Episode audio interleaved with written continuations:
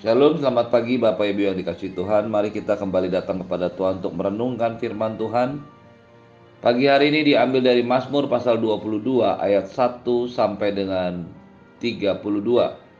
Mazmur 22 ayat 1 sampai dengan 32. Allahku, mengapa kau tinggalkan aku untuk pemimpin biduan menurut lagu Rusa di kala fajar, Mazmur Daud.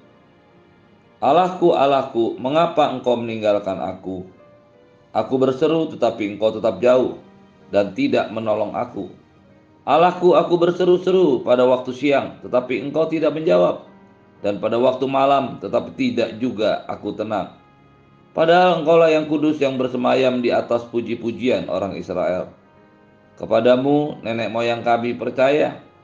Mereka percaya dan engkau meluputkan mereka. Kepadamu mereka berseru-seru dan mereka terluput. Kepadamu mereka percaya dan mereka tidak mendapat malu. Tetapi aku ini ulat dan bukan orang, celah bagi manusia, dihina oleh orang banyak. Semua orang yang melihat aku mengolok-olok aku. Mereka mencibirkan lidahnya, mencibirkan bibirnya, menggelengkan kepalanya. Ia menyerah kepada Tuhan. Biarlah dia yang meluputkannya. Biarlah dia yang melepaskannya Bukankah dia berkenan kepadanya? Ya, engkau yang mengeluarkan aku dari kandungan. Engkau yang membuat aku aman pada dada ibuku. Kepadamu aku diserahkan sejak aku lahir. Sejak dalam kandungan ibuku, engkaulah Allahku. Janganlah jauh daripadaku, sebab kesusahan telah dekat dan tidak ada yang menolong. Banyak lembu jantan mengerumuni aku, Banteng-banteng dari Basan mengepung aku. Mereka mengangakan mulutnya terhadap aku, seperti singa yang menerkam dan mengaum. Seperti air aku tercurah, dan segala tulangku terlepas dari sendinya. Hatiku menjadi seperti lilin, hancur luluh di dalam dadaku. Kekuatanku kering seperti beling. Lidahku melekat pada langit-langit mulutku. Dan dalam debu maut kau letakkan aku. Sebab anjing-anjing mengerumuni aku, gerombolan penjahat mengepung aku. Mereka menusuk tanganku dan kakiku. Segala tulangku dapat kuhitung. Mereka menonton, mereka memandangi aku. Mereka membagi-bagi pakaianku di antara mereka, dan mereka membuang undi atas jubahku. Tetapi engkau ya Tuhan, janganlah jauh. Ya kekuatanku, segeralah menolong aku. Lepaskanlah aku dari pedang dan nyawaku dari cengkeraman anjing. Selamatkanlah aku dari mulut singa dan dari tanduk banteng. Engkau telah menjawab aku. Aku akan memasyurkan namamu kepada saudara-saudaraku dan memuji-muji engkau di tengah-tengah jemaat. Kamu yang takut akan Tuhan, pujilah dia. Hai segenap anak cucu Yakub, muliakanlah dia dan gentarlah terhadap dia Hai segenap anak cucu Israel, sebab ia tidak memandang hina ataupun merasa jijik kesengsaraan orang yang tertindas. Dan ia tidak menyembunyikan wajahnya kepada orang itu. Dan ketika ia mendengar orang itu berteriak minta tolong kepadanya. Karena engkau aku memuji-muji dalam jemaah yang besar. Nasarku akan kubayar di depan mereka yang takut akan dia. Orang yang rendah hati akan makan dan kenyang Orang yang mencari Tuhan akan memuji-muji Dia. Biarlah hatimu hidup untuk selamanya. Segala ujung bumi akan mengingatnya dan berbalik kepada Tuhan. Dan segala kaum dari bangsa-bangsa akan sujud menyembah di hadapannya. Sebab Tuhanlah yang mempunyai kerajaan, dialah yang memerintah atas bangsa-bangsa. Ya, kepadanya akan sujud menyembah semua orang sombong di bumi. Di hadapannya akan berlutut semua orang yang turun ke dalam debu dan orang yang tidak dapat menyambung hidup. Anak-anak cucu akan beribadah kepadanya dan akan menceritakan tentang Tuhan kepada angkatan yang akan datang. Mereka akan memberitakan keadilannya kepada bangsa yang lahir nanti sebab ia telah melakukannya. Bapak Ibu yang dikasih Tuhan, Mazmur 22 adalah Mazmur yang ditulis oleh Daud ditatat menurut lagu Rusa di kala fajar. lagu rusa dalam hal ini rusa betina di kala fajar adalah sebuah lagu yang dikarang oleh Daud yang kemudian karena isinya dianggap sesuai dengan keadaan yang dialami oleh bangsa Israel ketika mereka ada dalam situasi yang sangat terjepit di dalam pembuangan sehingga akhirnya lagu ini menjadi sebuah lagu dalam liturgi doa-doa orang Yahudi ketika mereka memperingati hari raya Purim.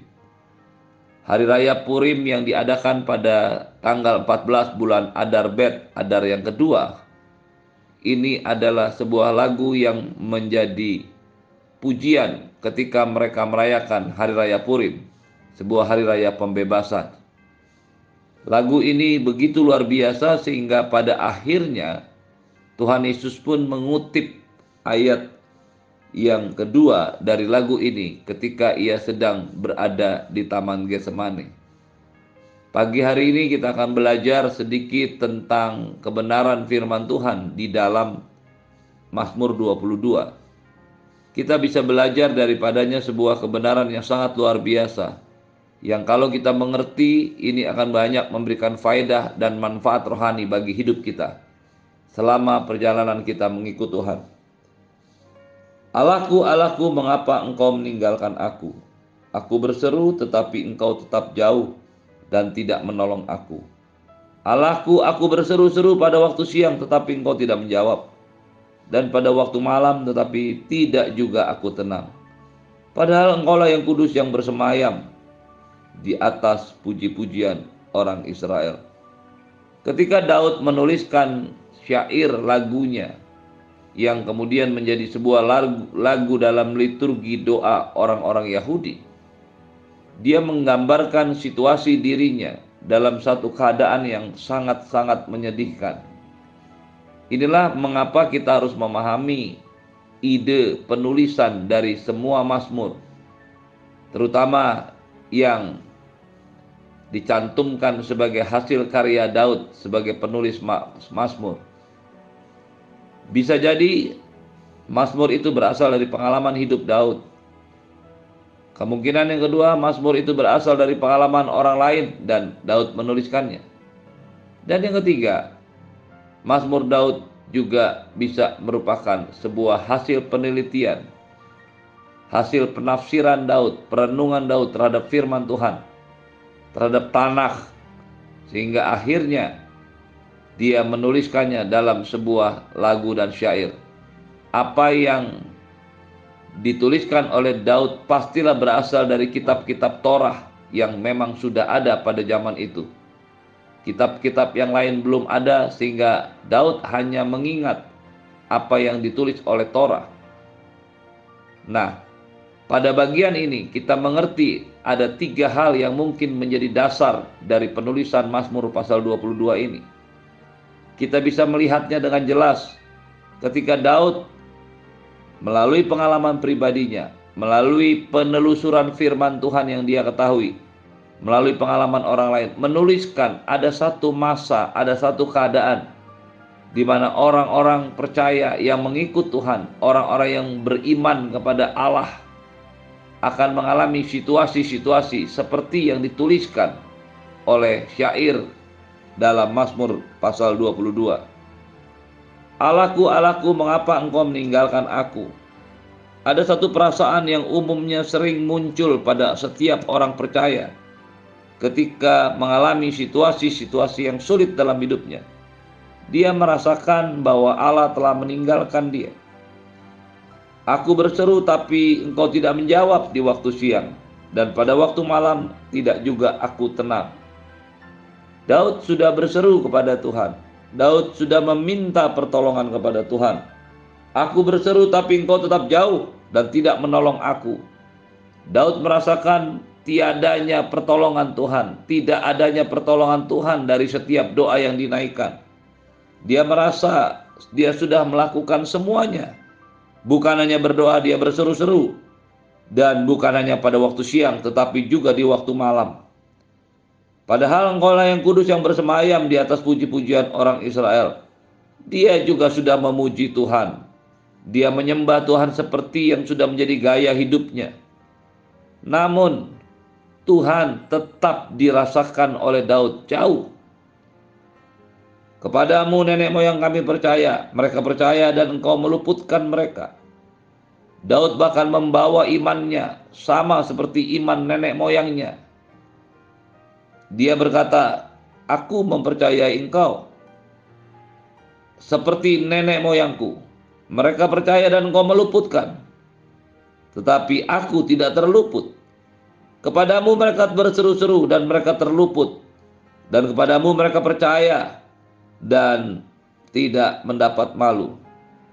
Ketika kita membaca syair lagu dalam Mazmur pasal 22 ini, kita menemukannya sering terjadi dalam kehidupan kita maupun orang-orang yang hidup pada masa kini.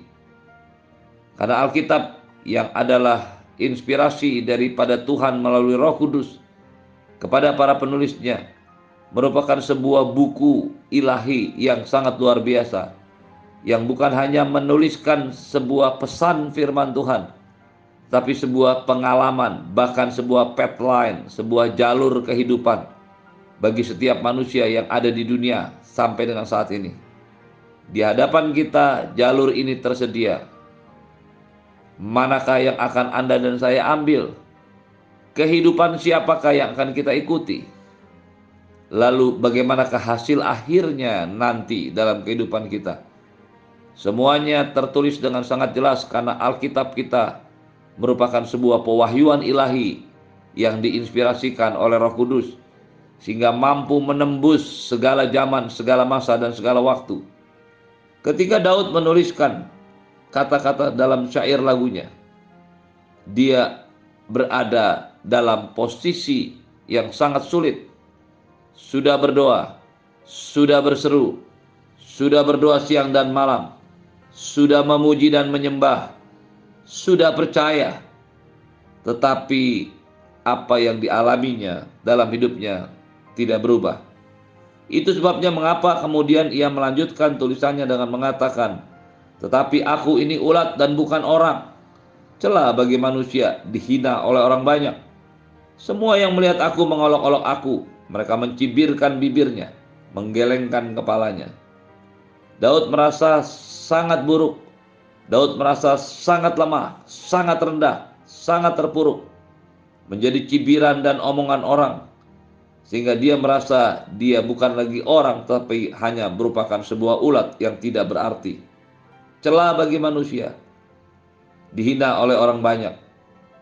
Apakah Daud pernah mengalami mengalami semua yang dituliskan? Tentu saja iya. Ketika ia dikejar-kejar oleh Saul, dan tidak membawa satu orang pun pasukan atau senjata. Daud harus melarikan diri ke daerah orang Filistin dengan berpura-pura gila.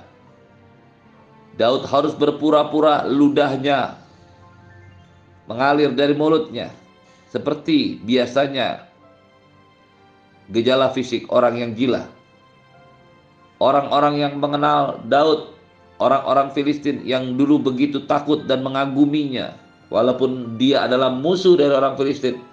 Hari itu terheran-heran melihat kondisi Daud. Beberapa orang dari antara mereka bertanya, "Inikah Daud pahlawan Israel?" Beberapa orang ingin membunuhnya, tetapi karena sudah dalam keadaan seperti orang gila, maka akhirnya Daud terbebas, terlepas dari maut. Bukankah ini sebuah keadaan yang sangat mengerikan yang terjadi dalam hidup Daud yang diizinkan Tuhan? Diolok-olok, dicibirkan bibir, dianggap celah, dihina oleh orang banyak. Bahkan bukan hanya hinaan fisik, tetapi juga hinaan verbal, kata-kata. Orang-orang berkata, kepada dia. Ia menyerah kepada Tuhan. Biarlah dia, biarlah Tuhan yang meluputkannya. Biarlah Tuhan yang melupaskannya. Bukankah Tuhan sudah berkenan kepadanya? Banyak orang tahu bahwa Daud adalah orang yang berkenan di hadapan Tuhan. Tetapi orang yang berkenan di hadapan Tuhan hari itu tidaklah ada dalam kondisi yang sesuai dengan pikiran kita. Dan ini adalah sebuah misteri ilahi yang tidak bisa dijelaskan hanya dengan sebuah keinginan, tulisan maupun doktrin dan dogma. Kita harus memahaminya sebagai sebuah firman Tuhan di mana kita percaya. Tetapi satu hal yang luar biasa, ketika Anda dan saya sudah kehilangan harapan, kekuatan, bahkan mungkin juga iman, tetap ada kesetiaan yang harus Anda dan saya pegang. Ketika Tuhan mengizinkan Anda dan saya mengalami masa-masa yang sulit dalam hidup kita, percayalah dalam sesulit, setipis, sedikit iman apa pun, tetap diperlukan kesetiaan untuk mengikuti Tuhan. Hari-hari ke depan adalah hari-hari di mana kesetiaan Anda dan saya harus diuji dan biarkan Tuhan menolong kita melewati semua bagian dalam hidup kita. Karena kita percaya dia tidak pernah meninggalkan kita. Mata jasmani kita mungkin berpikir dia jauh, tapi dia tidak pernah meninggalkan kita. Dan itu sudah dilakukannya. Bahkan sejak manusia pertama jatuh ke dalam dosa di Taman Eden. Terus percaya, terus melangkah, terus berjalan bersama-sama dengan Tuhan. Terimalah berkat yang berlimpah dari Bapa di surga, Cinta kasih dari Tuhan Yesus penyertaan yang sempurna dari Roh Kudus menyertai hidupmu hari ini dan sampai selama-lamanya. Dalam nama Yesus semua yang percaya katakan amin. Shalom.